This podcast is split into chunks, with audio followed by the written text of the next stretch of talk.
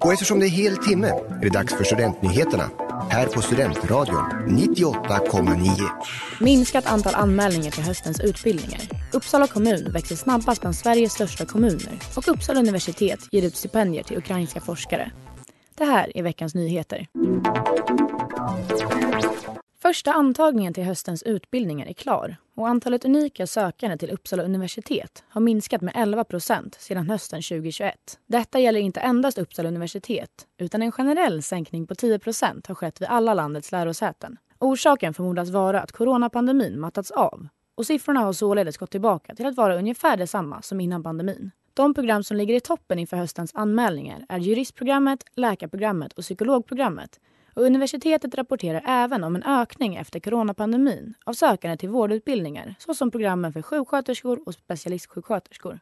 Även flera civilingenjörsutbildningar har fått en ökning bland ansökningar jämfört med tidigare år. Uppsala universitet är det lärosäte som i Sverige mottagit flest ansökningar för höstterminen 2022. Enligt Uppsala kommuns årliga befolkningsundersökning beräknas kommunen få en fortsatt hög befolkningsökning fast lägre än i slutet på 2010-talet. Uppsalas befolkning beräknas växa med 36 procent från 238 000 år 2021 till 324 000 år 2050. Ökningen hittills har berott på flera som flyttar in i staden men också ett stabilt födelsenetto.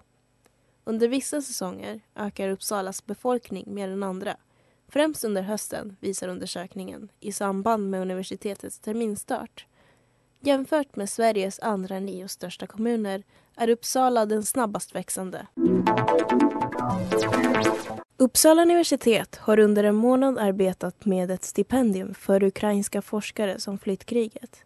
Lärosätet kommer dela ut stipendier för ett värde av 3 miljoner kronor som planeras täcka cirka 20 stipendier av 150 000 kronor Målet med stipendierna är att ge forskarna en fristad och låta dem bidra med forskning på universitetet.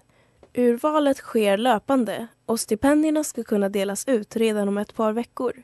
Kraven för att få ett stipendium är att forskarna omfattas av masskyddsdirektivet, har en doktorsexamen och att en institution på Uppsala universitet kan ta emot forskaren. Veckans nyheter producerades av mig, Jessica Fernandez och Rut Bruse.